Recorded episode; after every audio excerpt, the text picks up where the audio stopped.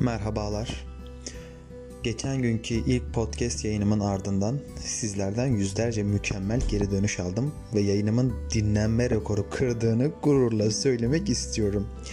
Ayrıca şu an Çorum Gılmanlı KYK öğrenci yurdunda karantinaya alınmış yüzlerce umreci dostumuz da yayınımı dinliyorlarmış. Buradan onlara da kucak dolusu selam yolluyorum ve kendilerinin asla yalnız kalmadıklarını, güzel günlerde de tekrar grup haline tavaflar yapacağımızı bildiriyorum. Sizleri seviyoruz çocuklar.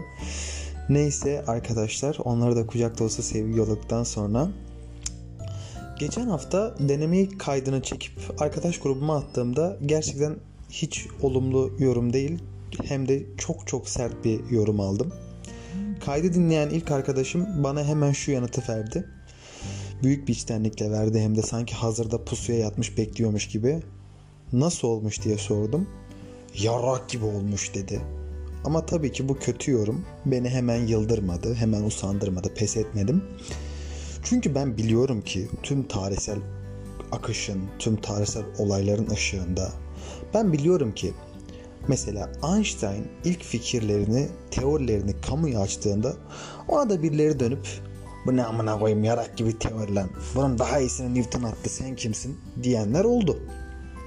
Ya da mesela Edison ampulü icat edip mesela ilk yüzlük ampul elinde tutarak odaya girip beyler nasıl olmuş diye çevresine sorduğunda ona da birileri dönüp dedi ki bu ne amına koyayım yarak gibi olmuş. İnsan tasarruflu ampulü bulur. Bu ne amına koyayım ışığı bile sarılan gözünü ağrıtır adamın bu gibi yorumlar yapan diyenler oldu.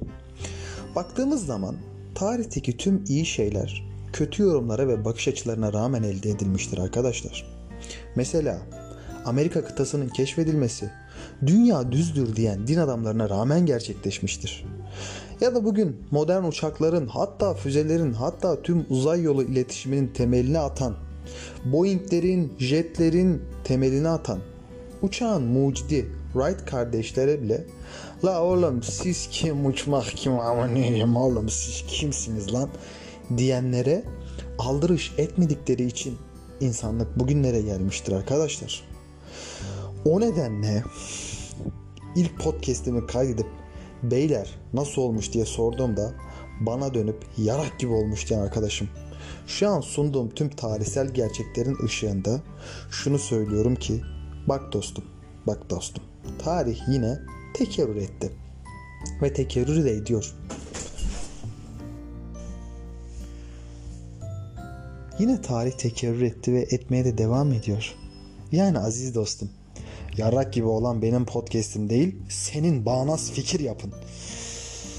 Aziz dostlar, şimdi kaydımı kendi içtenliğimle ve kendi derin duygularımla kaleme aldığım şu aforizma ile bitirmek istiyorum. Tarihteki tüm iyi şeyler yarrak gibi olmuş diyen adamlara rağmen elde edilmiştir. Şafak Yıldırım.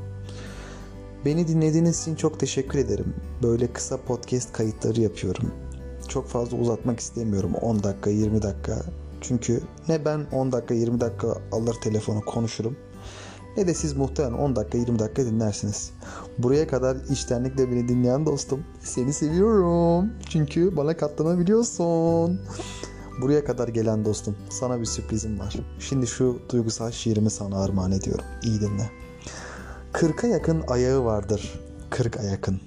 Seni seviyorum. Kendine dikkat et. Öpüyorum.